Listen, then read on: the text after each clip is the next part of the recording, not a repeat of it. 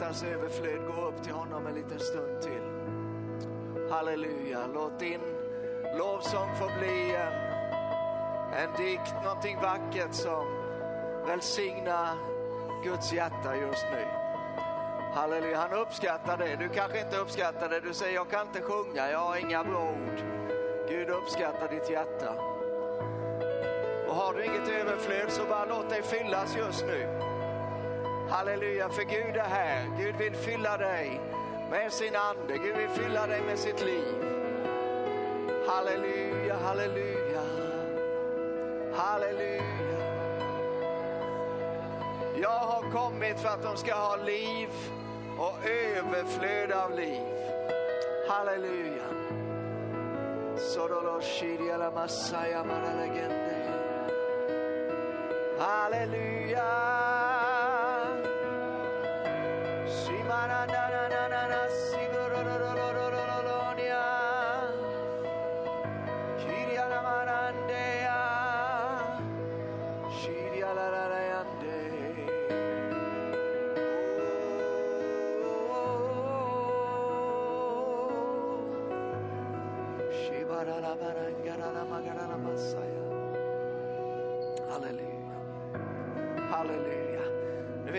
Bibeln säger så här i Hebreerbrevet 12. Låt oss lägga bort, lägga av allt som hindrar oss. Känner du igen det bibelordet? Jag tror om du läser Bibeln så känner du igen det. Där talas det om synden men det finns så många andra saker som vill hindra oss. Ibland så hindrar klockan oss. För att det är så mycket som ska hända den här dagen. Och nu är jag redan eh, halv elva här. Jag undrar hur länge han ska predika idag. Ska vi, ah, ska, hur länge ska vi sjunga egentligen? Och, men vet du, det kan bli ett hinder för dig, alla de där tankarna. Eller får inte tala om det här gripande redskapet vi brukar ha nära till hands. La jag min där nere, det var ju skönt. Eh, telefonen tänker jag på. Låt oss lägga av allt som hindrar oss. För det finns saker som är viktigare, det finns saker som är mer dyrbara. Halleluja. Och nu är vi här, vi är här tillsammans med Gud, vi är här för att möta honom, vi är här för att ta emot honom. Vi är här för att välsigna honom. Halleluja. Han vill ge oss av sitt överflöd. Halleluja. Och då är det inte mer rätt att vi ger lite av vårt överflöd också tillbaka till honom, eller hur? Mitt hjärta flödar över av sköna ord jag säger.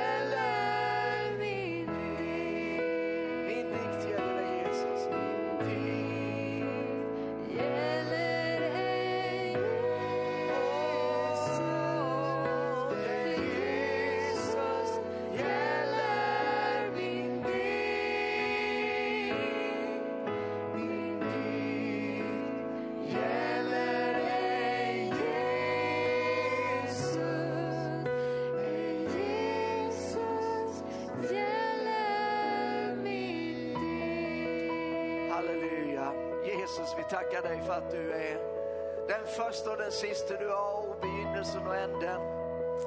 Du är trons upphovsman och du är trons slutmål. Du är den som fullkomnar tron, Herre. Vi vill bara lyfta upp dig. Vi vill bara använda de vackraste orden vi känner till, Herre. För att säga att du är bäst, du är vackrast, du är störst, du är underbarast, du är härligast. Du är fantastisk, Jesus. Du är den sköna, den skönaste av alla. Halleluja. Oh, rassila. Halleluja. Tack Jesus. Tack för din godhet, tack för din närhet. Oriala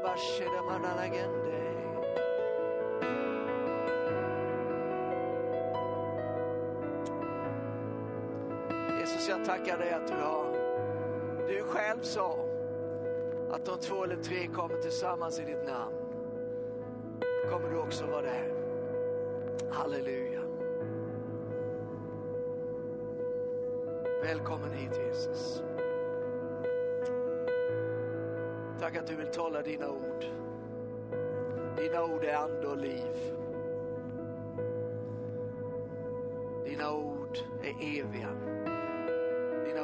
Dina ord är sanna. Dina ord är kraftfulla och skapande. Halleluja. Tack Jesus att du än idag går omkring och gör gott och botar alla som är under djävulens våld. Halleluja. Vi bara välkomnar dig att göra det här idag. Tack att du gör det bara du kan göra när vi gör det bara vi kan göra. Tro på dig och upphöja dig och fästa vår blick på dig. Halleluja. Tackar dig Jesus.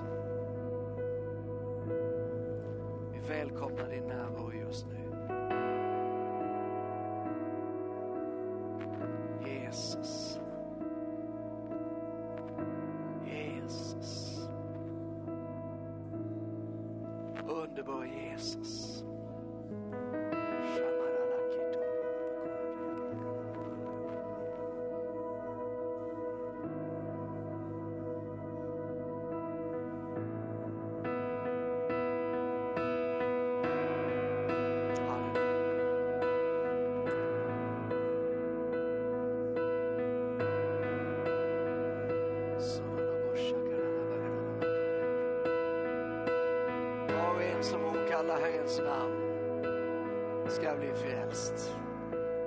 Var och en som åkallar Herrens namn ska bli frälst.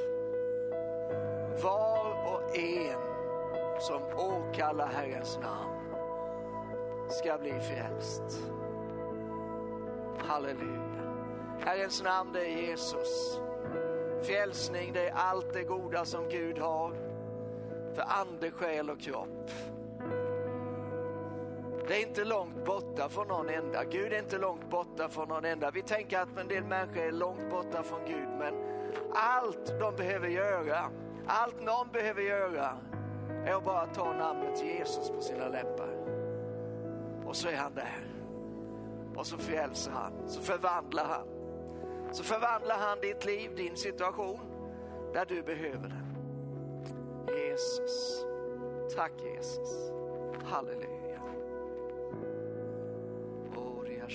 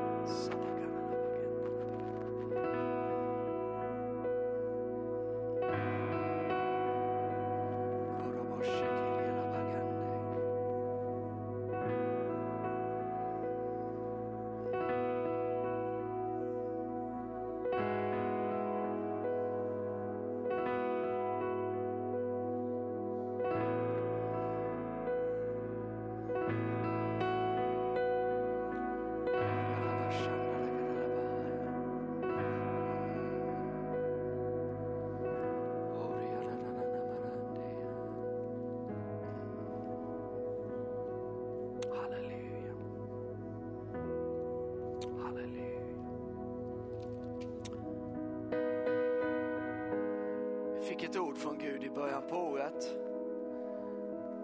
som sa dröj kvar. Och det är det vi gör lite nu, nu dröjer vi kvar. Vi har liksom ingen agenda som vi måste hinna igenom. Inget fixerat program som måste klaras av. Utan vi dröjer bara kvar, vi väntar bara. Men vi väntar inte sådär passivt utan vi väntar ganska aktivt. Kanske är det det vi håller på och lär oss. Att vänta aktivt på Gud, att förvänta oss att han ska komma. Halleluja. Halleluja. Amen. Ska du vilja att vi, vi ber en bön till innan vi går in i Guds ord? Och jag tänker på eh, situationen som är i Afghanistan just nu. Eh, jag tänker på, jag, jag känner egentligen bara en afghan i Afghanistan. Han heter Siroy. Han blev frälst i början på 90-talet. Han blev en, och är en brinnande evangelist. Han har varit mycket på fängelserna inne i Afghanistan och sett Gud göra fantastiska saker. Eh, han, eh, han är totalt utan fruktan och det är bra att vara det om man ska vara där borta. Men, men, han är underbar. Men jag tänkte på honom i morse. Nu läste jag att nu har striden om Kabul börjat och det är den sista. Som ni vet är det huvudstaden. Talibanerna har, har, eh, är på väldigt, väldigt frammarsch och det finns väl ingenting egentligen som ser ut att kunna stoppa dem. Och det som tidigare har varit illa, det går nu från illa och till obeskrivligt hemskt verkar det. Och jag tänker på de som är kristna, eh, att de har tidigare eh, varit kristna med, med risk för sitt liv. Eh, och hur det kommer att bli nu, för det finns många som är kristna i Afghanistan. Man hör inte så mycket om det, och det, det men de finns där. Och jag skulle bara vilja att vi ber en bön för dem, vi ber en bön för landet, vi ber en bön för att Gud ska få göra det han vill göra i Afghanistan och med Afghanistan. Det är en sån hemsk historia i nutid. De senaste årtiondena så har de inte vetat av någonting annat. De flesta som lever i Afghanistan idag, de har inte vetat av någonting annat än krig under hela sin livstid. Även de som är, är äldre där. Så Fader i Jesu namn så vill vi bara utgjuta vårt hjärta för detta land som ingen av oss har, är särskilt nära eller någonsin har besökt, Herre, men vi vet att du älskar Afghanistan. Vi vet att du älskar det afghanska folket, alla de olika stammarna, Herre. Vi tackar dig Herre för alla de afghaner som har blivit frälsta, de vi har fått se komma till tro till och med här i, i kyrkan och i Sävsjö och i Sverige. Herre, jag vill bara be att din hand ska vila över Afghanistan. Vi vill särskilt be Herre för dem som tror på dig, som bekänner dig som sin frälsare och Herre. Vi bara ber Herre att du ska hålla din hand över dem, att du ska beskydda och bevara dem. Herre, vi bara ropar nåd över landet. Ingenting och ingen annan än du själv, Herre, förmår att vända detta land. Men vi bara ber, Herre, att det ska ske en vändning i Afghanistan. Vi ber om ett gudomligt ingripande för detta land och för alla, för alla dessa människor. I Jesu Kristi namn. I Jesu Kristi namn.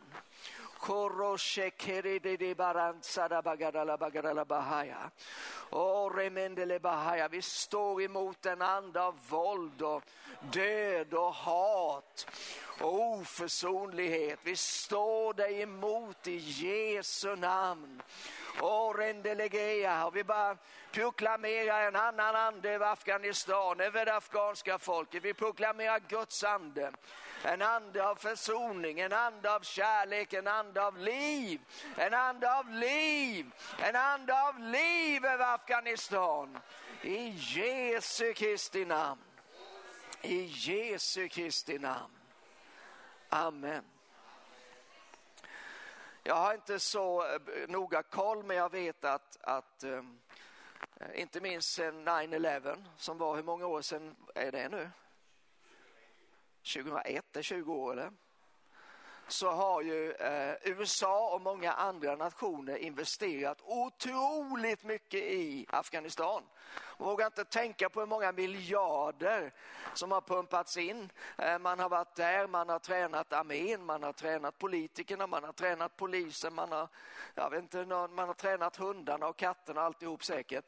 Eh, och så bestämmer sig eh, Biden grundläggande för och, och andra med honom att eh, nu har vi gjort vad vi kan göra och så drar de ut och pang så faller det som ett korthus. För mig blir detta en illustration på att det finns en del saker som vi människor inte förmår att klara av. Med all vår kunskap, med all vår goda vilja, med alla våra pengar, med allt vårt intellekt så kommer vi ändå till korta i vissa situationer. Egentligen ganska många situationer om vi ska vara ärliga och ha handen på hjärtat och så. Och så är det faktiskt, även om vi, vår situation är otroligt annorlunda än vad situationen är i Afghanistan. Så är det ändå så att här i Sverige så tror jag att även de med de bästa intentionerna och de, de finaste och smartaste idéerna tvingas erkänna att det kommer bara räcka en liten bit. Det kommer högst troligt inte att kunna nå ända fram till det man önskar. Det är därför som du och jag är här. För att överbrygga det gapet. Inte i vår egen kraft, men med vår Guds kraft. Amen. Och, och, jag har kommit till den slutsatsen igen och igen och senast här nu i sommar att vad vi behöver det är att Gud kliver in. Och det är det som eh, jag talade lite grann om förra söndagen och jag skulle vilja fortsätta eh, tala lite grann om det idag också. Och ehm, eh, det blir nog ganska mycket repetition egentligen tror jag för att det är en sak jag har lärt mig. Repetition är från Gud tror jag. Om man tänker på hur många gånger Gud har repeterat de viktigaste eh, sanningarna, de viktigaste principerna för oss människor så ligger det nog en poäng i detta. Men jag vill börja läsa i ett av de bibelord som Gud har eh, lyft fram under det senaste året och det är Jesaja 40. Jesaja 40 och de 12, eh, eller 11 första verserna är det väl, eh, 11 ja, eh, har vi återkommit till många gånger, inte minst i bönen. Och jag vill bara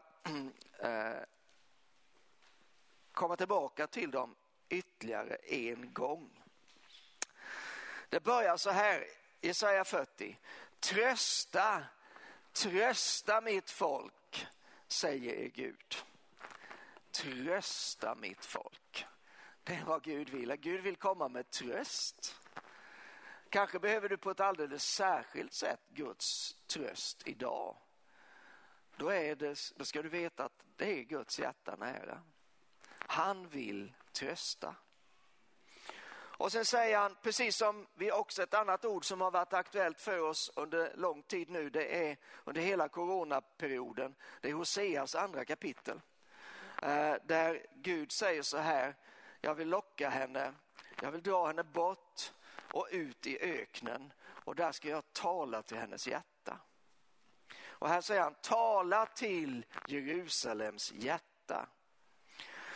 Och vad är det som ska sägas då? Förkunna för det att dess vedermöda är slut, att dess skuld är försonad och att det fått dubbelt igen av Herrens hand för alla sina synder.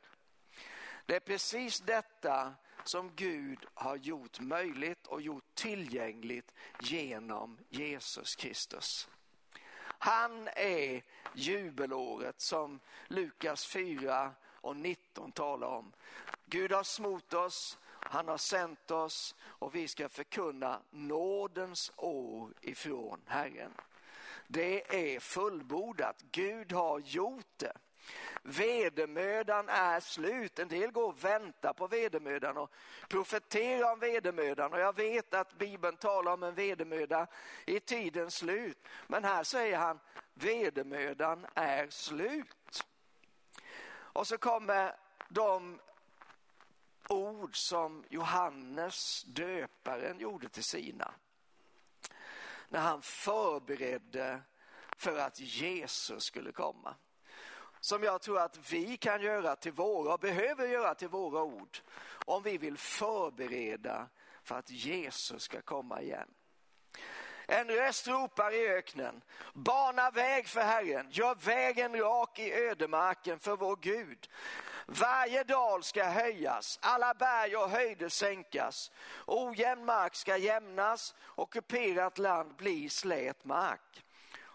Herrens härlighet ska uppenbaras. Herrens härlighet ska uppenbaras. Herrens härlighet ska uppenbaras. Alla människor ska se det tillsammans, för Herrens mun har talat. Han fortsätter eh, och eh, så talar han till det som vi enligt vad alla tror nu är tillämpbart för oss, för Guds församling. Det står i vers 9. Sion, du glädjens budbärarinna, stig upp på ett högt berg. Jerusalem, du glädjens budbärarinna. Höj din röst med kraft, höj den utan fruktan. Säg till Judas städer, se er Gud.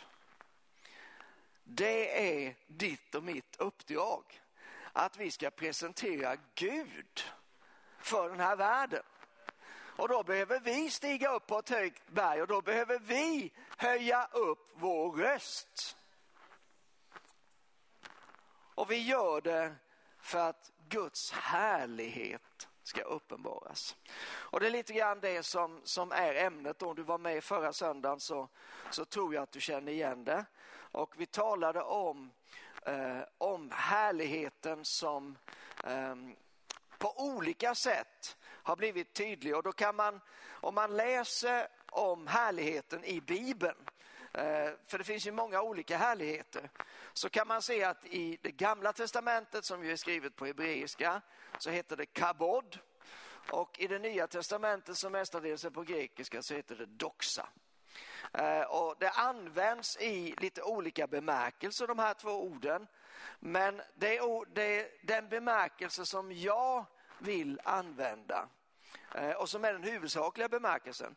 Det är härlighet som Guds påtagliga närvaro.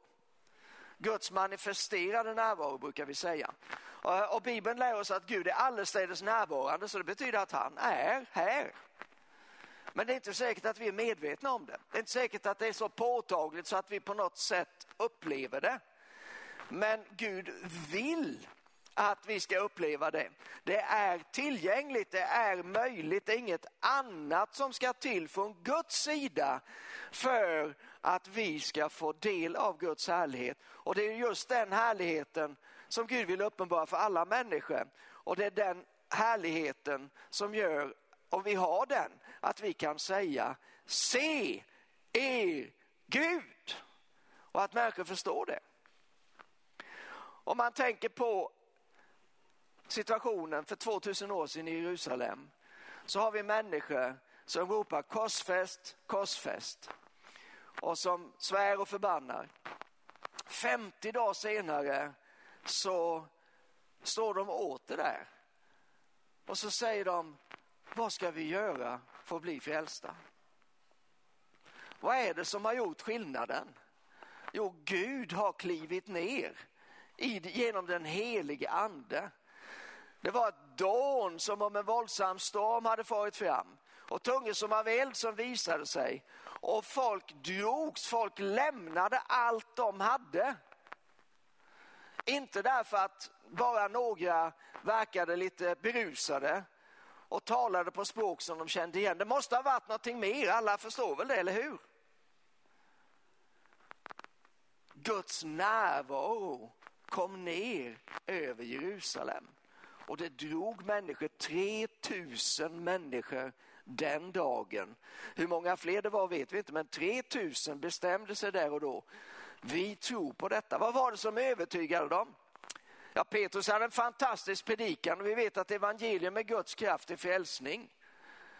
Men det finns många fantastiska predikanter som predikar ett Guds ord av Guds nåde, men som ändå inte ser någon eller så många säga, vad ska vi göra för att bli frälsta? Så någonting mer måste ha varit där.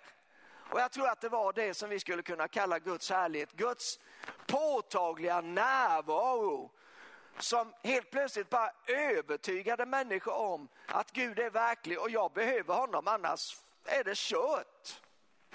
Som inga ord kunde åstadkomma men som Guds närvaro bara så här. Vi läste två bibelord också ifrån Johannesevangeliet förra söndagen. Eh, det ena var från Johannes 2 och det, var från, eh, det ena var från Johannes 2 och det andra var från Johannes 9. Och I Johannes 2 så ser vi Jesus göra sitt första mirakel. Och eh, det står så här om det var ju att han förvandlade vatten till vin. Och det har blivit lite problematiskt för oss ibland som, som är helnykterister. Men, men vi, vi lämnar den eh, tanken just nu. Och så bara ser vi att det står efter att Jesus hade gjort det här så, så står det att han uppenbar, detta var det första tecken som Jesus gjorde. Och han uppenbarade sin härlighet för lärjungarna. Och de trodde på honom. Så här, här ser vi att härligheten födde tron hos dem. Matade tron på något sätt hos dem. Och det, är inte, det var precis samma sak som hände på den första pingstdagen.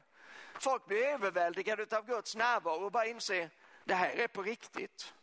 Och tron bara blir en naturlig följd av detta.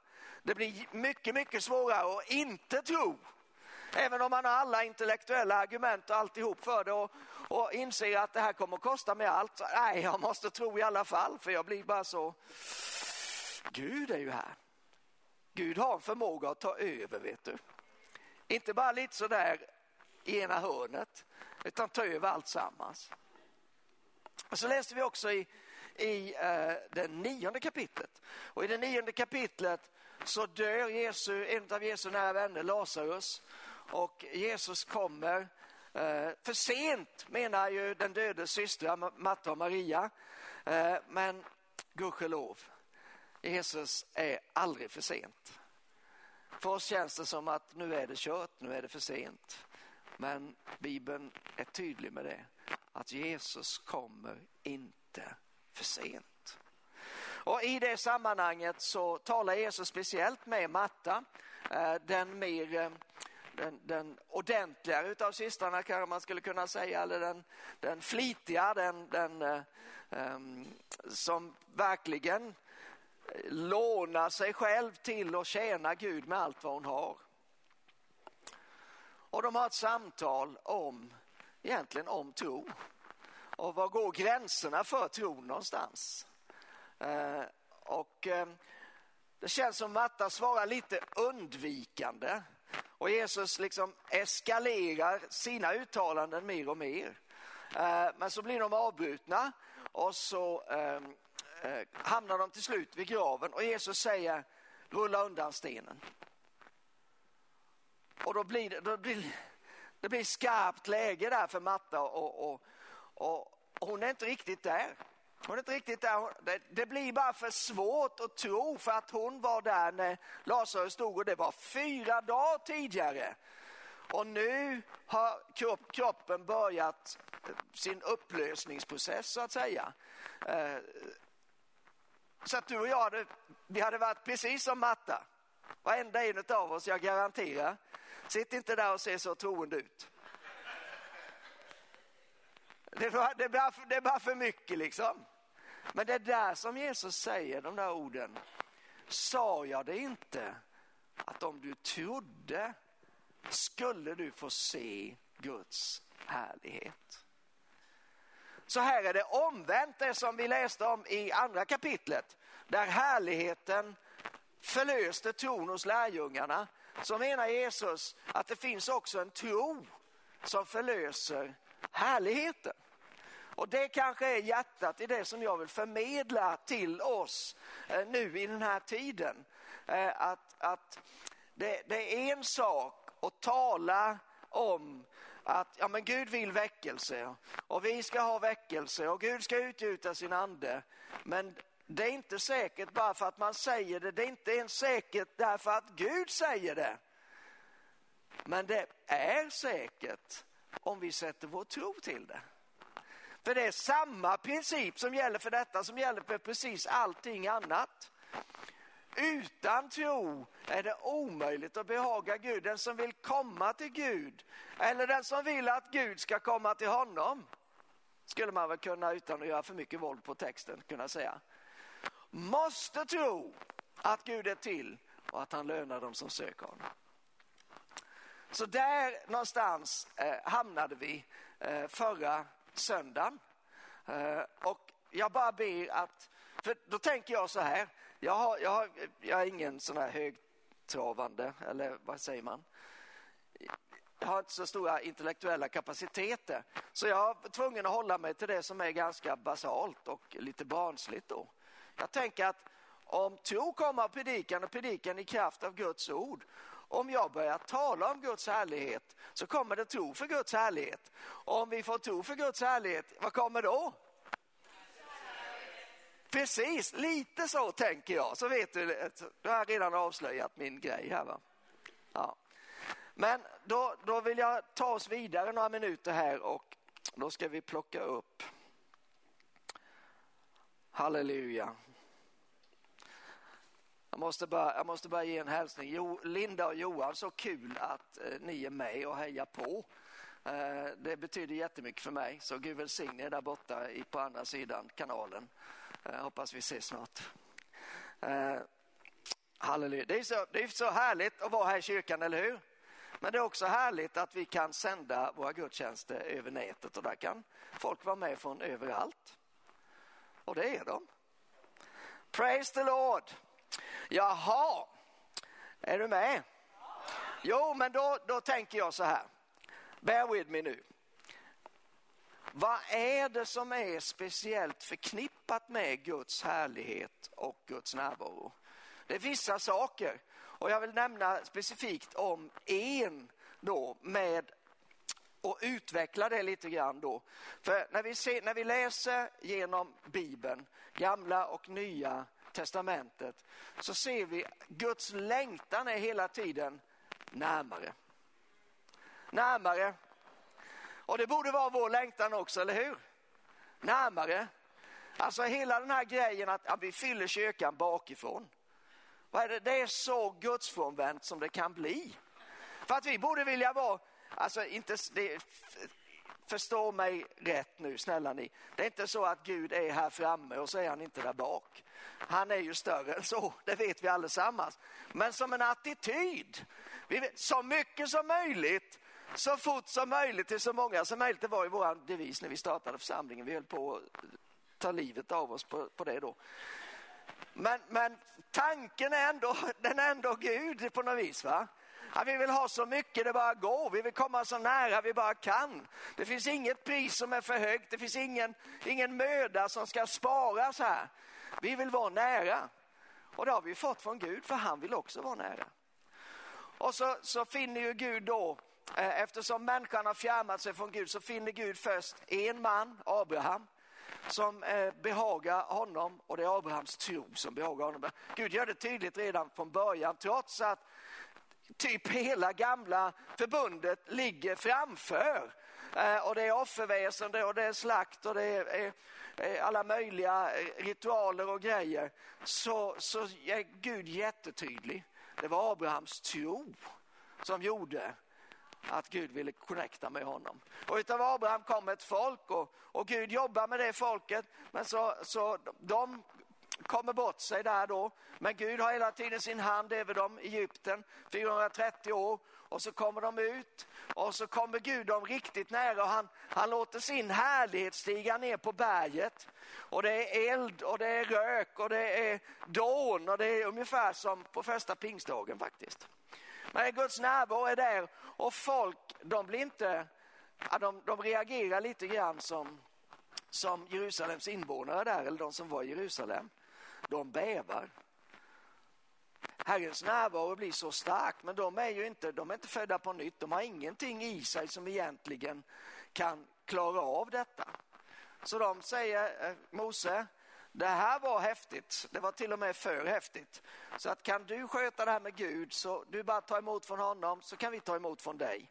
Så visar det sig att de pallar inte riktigt det heller för när, när Mose har varit med Gud så kommer han ner och då lyser hans ansikte så då springer de och gömmer sig i alla fall. Ja, vi lämnar det där.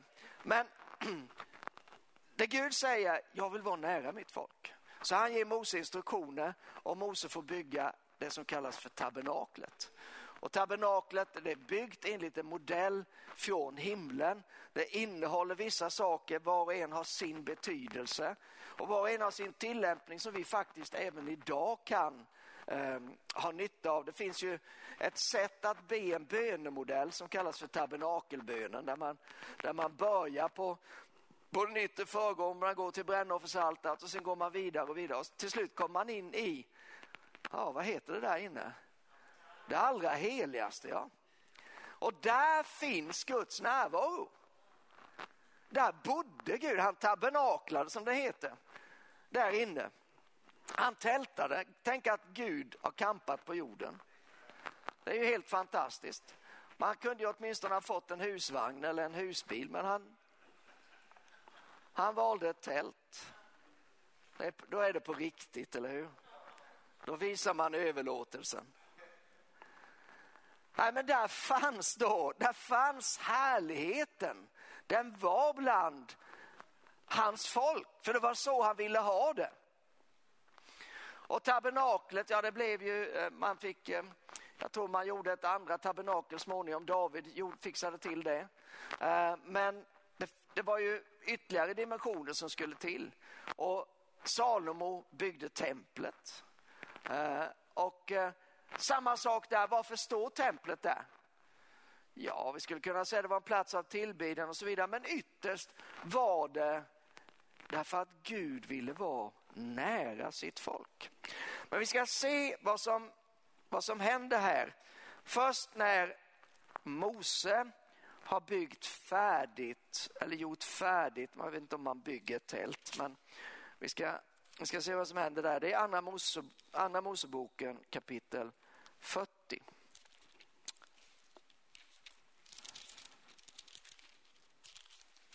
Tack Jesus. Andra Mosebok kapitel 40.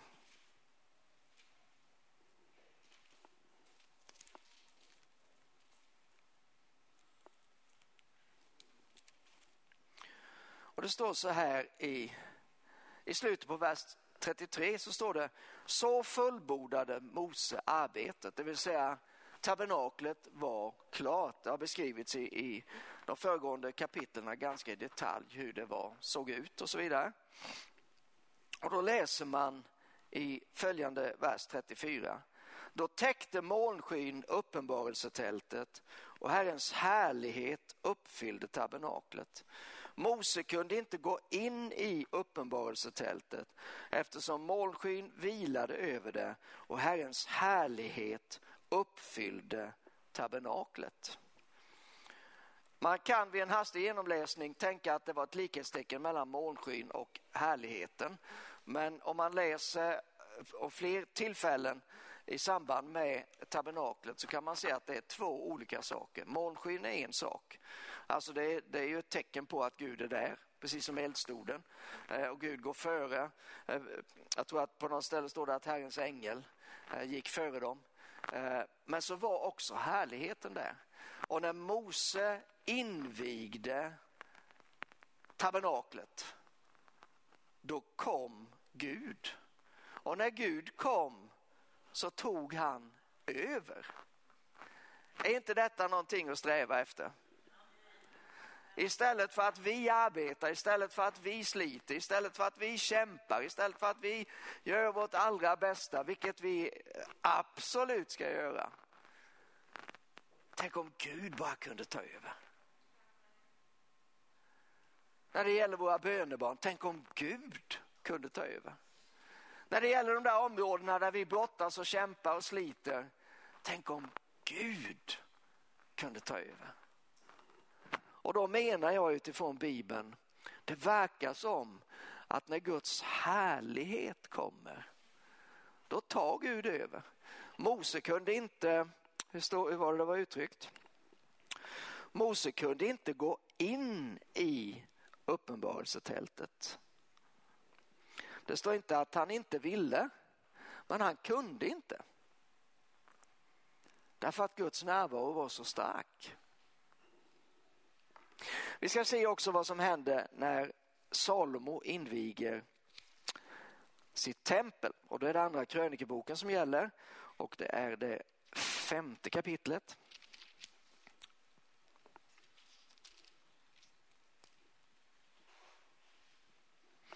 Och det här är ju det här är längre avsnitt men vi kan inte för tidens skull eh, kosta på oss och läsa allt sammans. Men vi ska läsa lite grann och sen vill jag bara peka på några saker. Eh, men vi ska läsa slutet av vers 13 här i andra krönikeboken 5. De har precis satt igång med invigningen och eh, de, det, är, det invigs med musik. Och då står det, då uppfylldes huset, Herrens hus, av ett moln så att prästerna för molnets skull inte kunde stå där och göra tjänst eftersom Herrens härlighet uppfyllde Guds hus. Om vi nu tänker på tabernaklet och vi tänker på templet så är de ju båda två gammaltestamentliga förebilder för vad då? För församlingen. Rätt svar på första försöket. Det är, det, all, alla bibeluttolkare är helt överens om detta, att det går att läsa och förstå det på det sättet att när vi läser om, om tabernaklet och när vi läser om templet, då är det i stora drag tillämpbart på oss, dig och mig. Det är också tillämpbart på dig och mig som enskilda troende, som Guds barn. Så det finns alltså härlighet. Och det läste vi förra eh, veckan, så läste vi i, i Andra Korinthierbrevet tredje kapitel där um, Paulus gör en jämförelse mellan härligheten i det gamla förbundet och härligheten i det nya förbundet och säger att det var en härlighet i det gamla förbundet. Men jämfört med det nya förbundet så var det ingen härlighet. För att det är så mycket större härlighet i det nya förbundet. Så att om, om Guds härlighet uppfyllde templet eller tabernaklet så att man inte kunde stå där inne, att man inte kunde göra tjänst där inne, att man inte kunde gå in. Vad vill då Guds härlighet göra i det nya förbundet? Ja, en sak är jag säker på. Guds härlighet vill inte göra så att det är business as usual att gå till kyrkan och gå in och gå ut precis likadant som man kom. Det vill inte Guds härlighet. Utan Guds härlighet vill så oändligt mycket mer. Amen. Nummer två. Om vi tänker på de här Guds boningar, tabernaklet och templet så vet vi att det finns, eh, det finns olika avdelningar eller vad vi ska kalla det, olika områden. Eh, I templet så fanns hedningarnas förgård, sen fanns den, den förgården som bara var, var till för det judiska folket. Och sen kommer själva tempelbyggnaden och där har man två avdelningar också. Det första är det heliga och det andra är det allra heligaste. Var höll Gud till någonstans? Han höll till i det allra heligaste. Och här är då en sak som jag tror att vi, vi måste förstå hur Gud är. Och, och, om vi vill ha Guds härlighet, vad vi behöver sätta för riktning i livet då.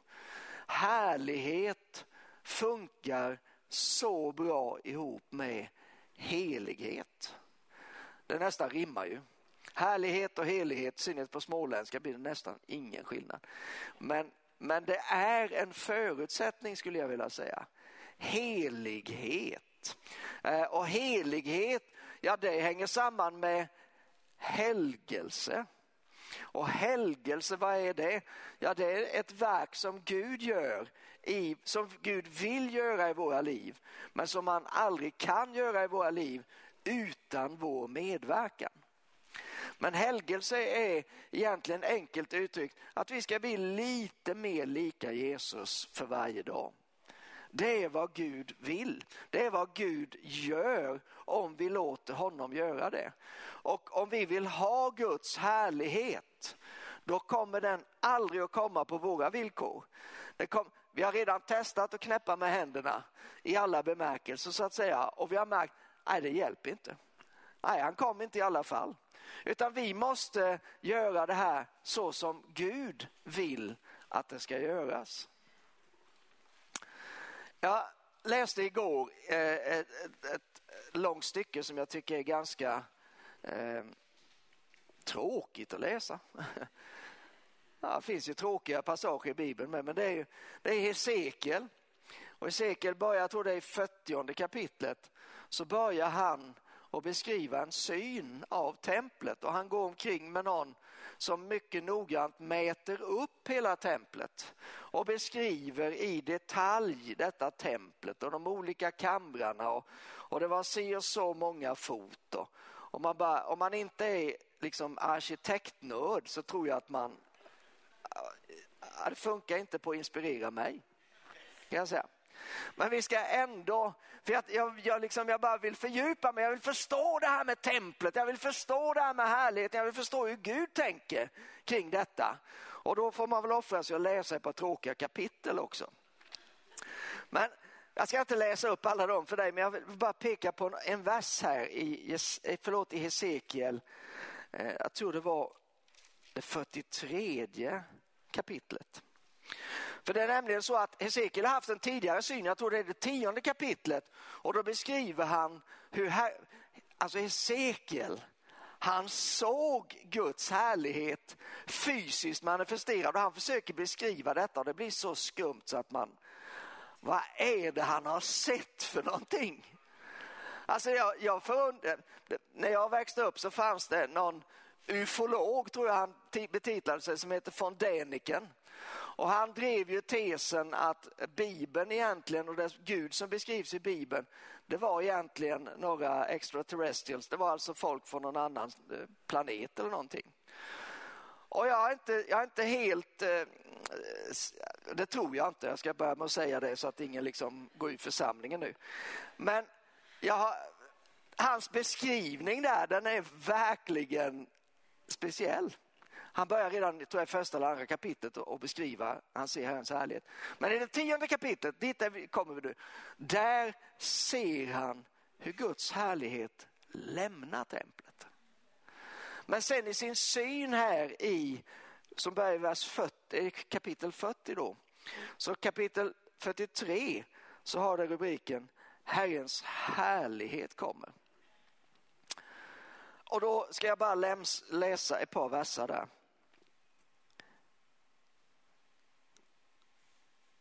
Och vi börjar i vers 9. Eller förlåt, vi börjar i vers 7. Han sa till mig, människobarn, detta är platsen för min tron, platsen för mina fötter, där jag vill bo ibland Israels barn för evigt. Och Israels hus ska inte mer orena mitt heliga namn, varken de själva eller deras kungar, genom sitt horeri och sina kungars döda kroppar och sina offerhöjder. De som satte sin tröskel bredvid min tröskel och sin dörrpost bredvid min dörrpost, så att bara muren fanns mellan mig och dem och som orenade mitt heliga namn med sina vidrigheter, de har jag utrotat i min vrede.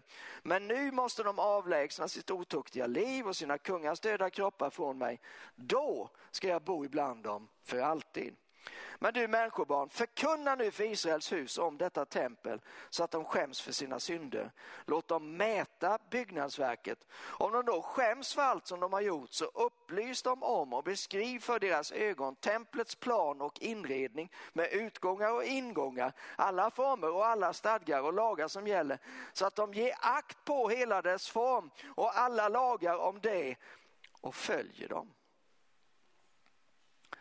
Här kan man se lite grann syftet med varför Gud visar Hesekiel i detalj. Det är för att påminna om templets härlighet och vad ska templet påminna om? Det ska påminna om Guds helighet. Och så avslutar man med att säga så här i den tolfte versen, så är lagen om templet. På av bergen, på toppen av berget ska hela området runt omkring vara högheligt. Detta är lagen om templet. Så det är min punkt ett idag. Jag har ingen presentation men eh, jag presenterar det med min mun. Punkt ett är härlighet hör samman med helighet. Gud vill ha ett heligt folk.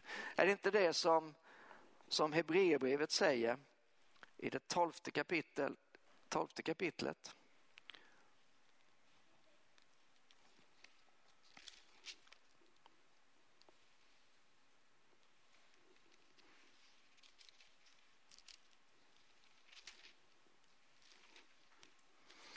Ja, det var det trettonde kapitlet jag tittade, det var därför jag inte hittade. Det står i Hebreerbrevet 12 och 14. Sök frid med alla och helgelse. För utan helgelse kommer ingen att se Herren. Så jag tror att om vi upplever en kallelse eller vi upplever en längtan till Herrens härlighet så är det per definition en kallelse till helighet. Att vara helig det betyder att vara avskild. Gud är avskild och vi behöver vara avskilda för den helige guden. Det finns saker som inte hör hemma i våra liv. Det finns saker som kanske i sig inte är förbjudna men om vi vill ha Herrens härlighet så kan vi inte kosta på oss dem.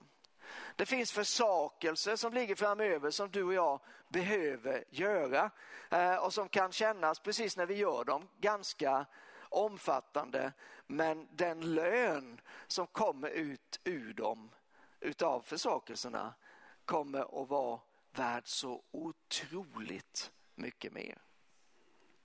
Och det leder osökt till det nästa som jag förknippar då med tabernaklet och med templet och det är offer. Jag tror att det är för, för, vad gör man i, vad gör människorna, vad gör prästerna, vad gör leviterna? Jo, en bärande del i det de håller på med i tabernaklet respektive templet som är Guds hus då, det är offer. De offrar på morgonen, de offrar på dagen, de offrar på kvällen. Så offrar de på morgonen och så offrar de på dagen och så offrar de på kvällen. Och sen offrar de på morgonen Hela tiden, alltid ska de offra, utom några gånger om året. Då ska de sätta det i, då ska de multiplicera offren och göra många fler offer. Men det är dagligt offer. Då är frågan, tycker du och jag om att offra? Svaret Niklas, Erik, Johan. Nej, vi tycker inte om att offra, det ligger inte för oss. Men om vi förstår, för det första att vi, om vi vill ha någonting så kostar det alltid någonting. Så är det ju med det mesta i livet, eller hur? Och eh, det är också så att köper man någonting väldigt billigt så kan det kännas som att det var ett fynd. Men det kan bara hålla i två dagar. Eller tills man kommer hem. Men grundregeln är betala bra om inte någon vill blåsa dig. Men det, Gud håller ju inte på, han är inte i den branschen, eller hur? Men betalar du ordentligt så kommer du att få någonting som är väldigt dyrbart, som kan hålla länge och så vidare. Om vi förstår då att de offer som Gud kallar oss att göra, för nu är inte vi, vi lever inte i det gamla förbundet. Så vi behöver inte tänka på vilka, vilka djur ska vi offra nu. Har vi några felfria lamm? Nej, Gud har offrat sig själv. Ett felfritt lamm en gång för alla. Hans blod är tillräckligt. Men vad är det då för offer som vi kan göra? Ja, det kan ju vara att avstå någonting för någon annan eller för något annat. Att, att till exempel fasta en måltid, ja det är ett offer. Det är större för en del än vad det är för andra. Men man måste ändå säga det är ett offer. Men om det kan ge någonting som vida överträffar tillfredsställelsen, mättnadskänslan eller vad det nu än är av den här måltiden, ja, men då kanske det är värt det. Och så kan vi tänka om väldigt mycket. Då kan vi tänka, ja men för, för, det är en sak att offra en måltid. Det är liksom, ja, men jag hoppar över lunchen, ja, men jag vet ju ändå det kommer en middag sen om fyra timmar här. Så det är inte så farligt. Men att kanske ge upp sitt självbestämmande. Eller sin favoritsynd. Då kostar det.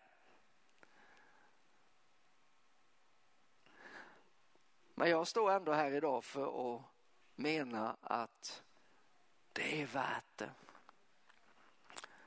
Jag tänker att Gud kanske kallar dig att offra en sak och mig kallar han att offra någonting annat. Men vad en Gud ber oss att offra, för han tvingar oss inte, men när han ber oss att offra någonting så kan vi vara säkra på att han kompenserar oss. Vi kan också ana att han kommer komma närmare. För ibland kan det vara så att det som vi håller så kärt, det hamnar lite i vägen i gudsrelationen. Och då är det definitivt en välsignelse att bara få ge upp det. Men en sak, och där ska vi eh, landa idag, en sak som jag vet Gud kallar oss att offra, som jag också tror har att göra med härligheten. Det är lovets offer. Eh, nu slog jag igen Hebreerbrevet 13 men jag är inte sämre människa än jag kan slå upp det igen. Eh, för jag ska läsa en vers till där. Hebreerbrevet, det trettonde kapitlet. Så vi talar om heligheten, eh, helighetens betydelse för att vi ska få se Guds härlighet. Vi talar om offrets betydelse för att vi ska få se Guds härlighet. Och nu talar vi om lovprisningen som tillbedjans betydelse för att förlösa Guds härlighet. För precis som vi redan har sagt så, så finns det eh, en hel mängd av offer från det gamla förbundet som har fått sin fulländning i Jesus Kristus. Vi har också ett påskalamm som har blivit slaktat, läser vi när Paulus skriver till korinterna. Så det behövs inte mer något offer för våra synder, för Jesus han har burit in sitt blod i själva himlen. Och så har han bringat försoning för alla människors synder. Men ändå så finns det offer som du och jag kan göra och ska göra. Och i trettonde kapitlet i Hebreerbrevet så står det i vers 15. Låt oss därför ständigt genom honom frambära lovets offer till Gud. Vad är det säger vi då? Det är en frukt från läppar som prisar hans namn. Det är en frukt från läppar som prisar hans namn. I den här församlingen så har det, så har det varit ett av, kan man säga, kännetecknen för oss genom alla år. Vi har gett utrymme för att prisa Gud. Vi har sett ett värde i det. Vi, vi gör det hela tiden höll jag på att säga. Men vi, vi gör det definitivt med, med beräkning så gör vi, vi börjar allt vi gör med att prisa Gud. Och varför gör vi det? Jag tror att du har, du har upplevt det precis som jag. Kanske upplevde du det idag. Att det, det går till en viss punkt. Det kan vara trögt, det kan vara jobbigt, det kan... Jag vill inte. För att vi har alla ett kött som vi bär med oss. Men det kommer till en punkt och helt plötsligt så förändras det. Det sker en förändring i atmosfären eller det sker en förändring i oss. Jag vet inte, men någonstans sker det, kanske både och. Och helt plötsligt så är det inte så jobbigt längre. Utan det går, det går nästan av sig själv. Och, Och man, ja, jag kan, jag kan hålla på en stund till. Uh, och, och vad är det då egentligen som händer? Jag tror att det är härligheten som tar över. Men jag tror att det finns mycket mer härlighet för oss att förvänta oss. Att med vår lovprisning och tillbedjan att dra ner den härligheten. Så det kommer tillbaka till att sa jag det inte om du trodde så skulle du få se Guds härlighet.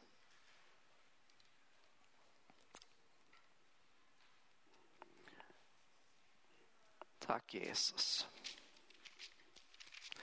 Så därför så är mitt, eh, mitt tips här inför framtiden det är att vi kommer att fortsätta vara en lovsjungande och tillbedjande församling. Vi kommer att fortsätta att betona offrandet. Eh, som ju har väldigt lite att göra med pengar, det är bara ett, ett område men där, där vi alla har det så väl beställt så att det, är, det ska mycket till att man egentligen ska kalla det för ett offer. Om det är bra eller dåligt det vet jag inte men, men jag tänker det att det blir mest en kollekt. Det blir en insamling. Och det är väl gott och väl. Men jag tror att ibland så behöver vi fundera över är det dags att offra? Är det dags att göra någonting som verkligen märks, som verkligen känns, som verkligen gör skillnad för mig? För jag tror att vi behöver leva livet på ett sådant sätt så att vi, vi är alltid redo att ge upp. Och jag tippar också på och skulle vilja att vi fortsätter att betona heligheten. Att till och med människor som inte går i kyrkan och som inte tror på Gud och som inte har någonting övers för, för det vi håller på med, att de ändå skulle märka det. Att de är annorlunda. De lever sina liv annorlunda. De, de verkar ha andra värden i livet än vad andra människor har utan att vi skulle vara konstiga eller, eller framstå som galna, bara annorlunda. Petrus säger, ju, första Petrus 2 och 9 tror jag det är, säger han att ni åter, ni är ett utvalt släkte ett konungsligt prästerskap. Och i engelska bibeln står det ett besynnerligt folk.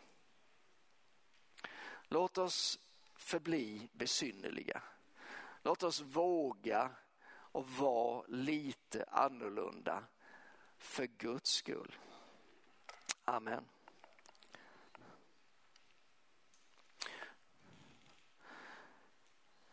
Vi ska läsa avslutningsvis här innan vi ber tillsammans så ska vi läsa från andra Thessalonikerbrevet, andra kapitlet och den trettonde versen. Det som jag inte hann med, men det kommer säkert fler tillfällen, det är att jag tror att härlighet också är förknippat med ordet. Ehm,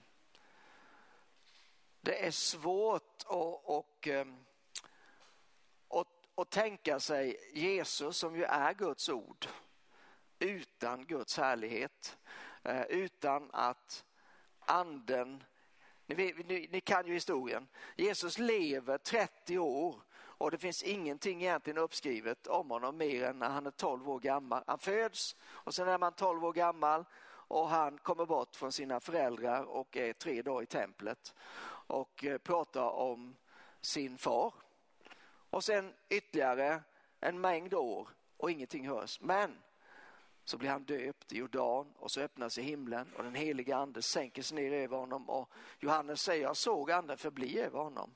Och där, från där så är Guds härlighet verksam. Varför? Därför att han är ordet. Därför att han som han själv säger, jag gör ingenting annat än vad jag ser min fader göra.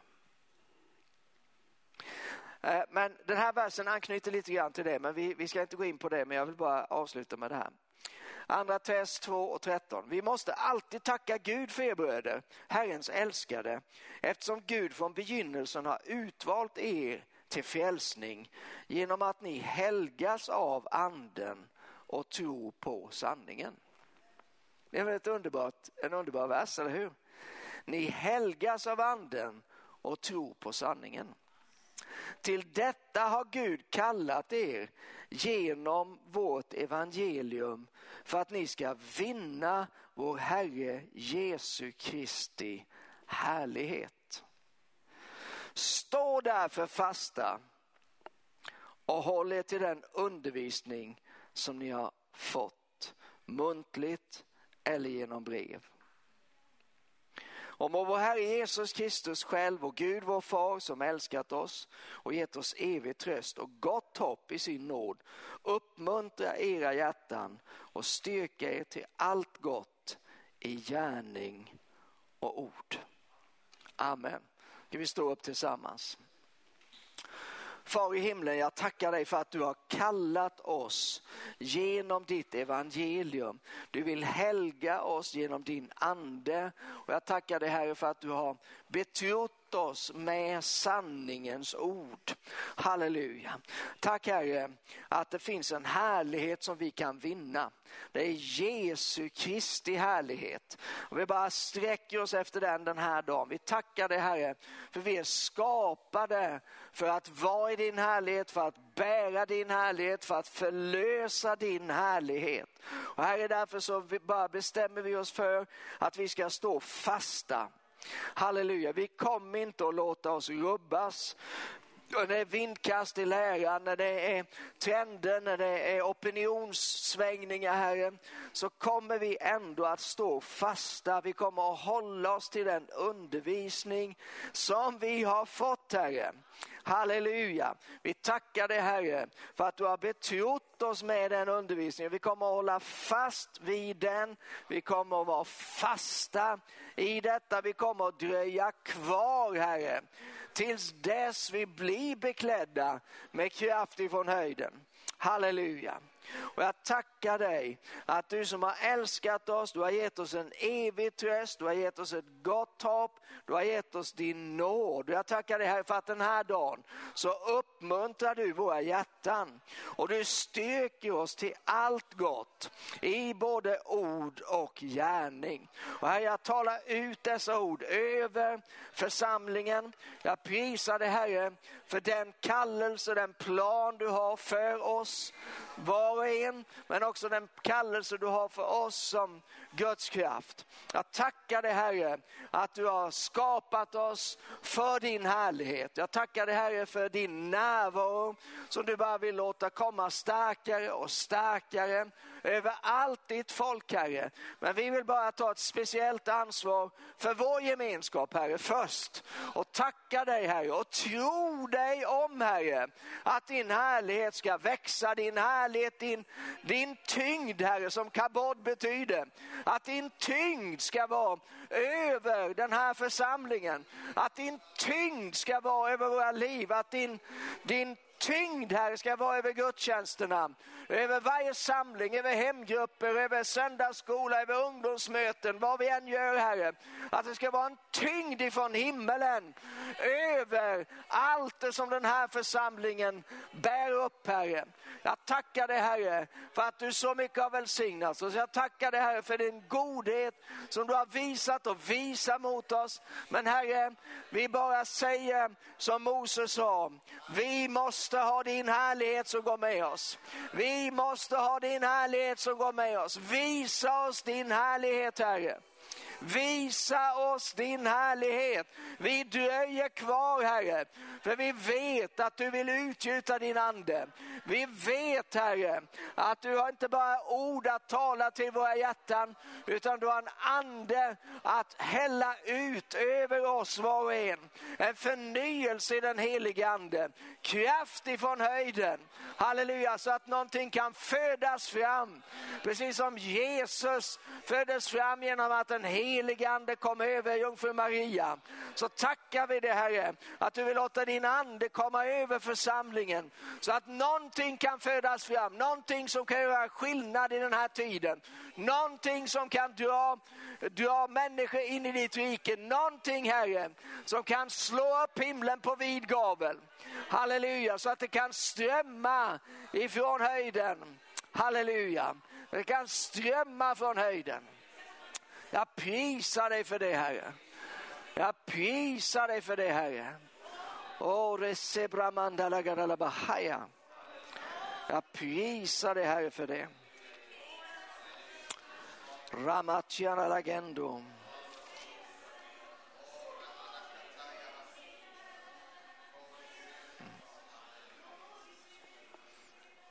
Halleluja. Mm. Halleluja.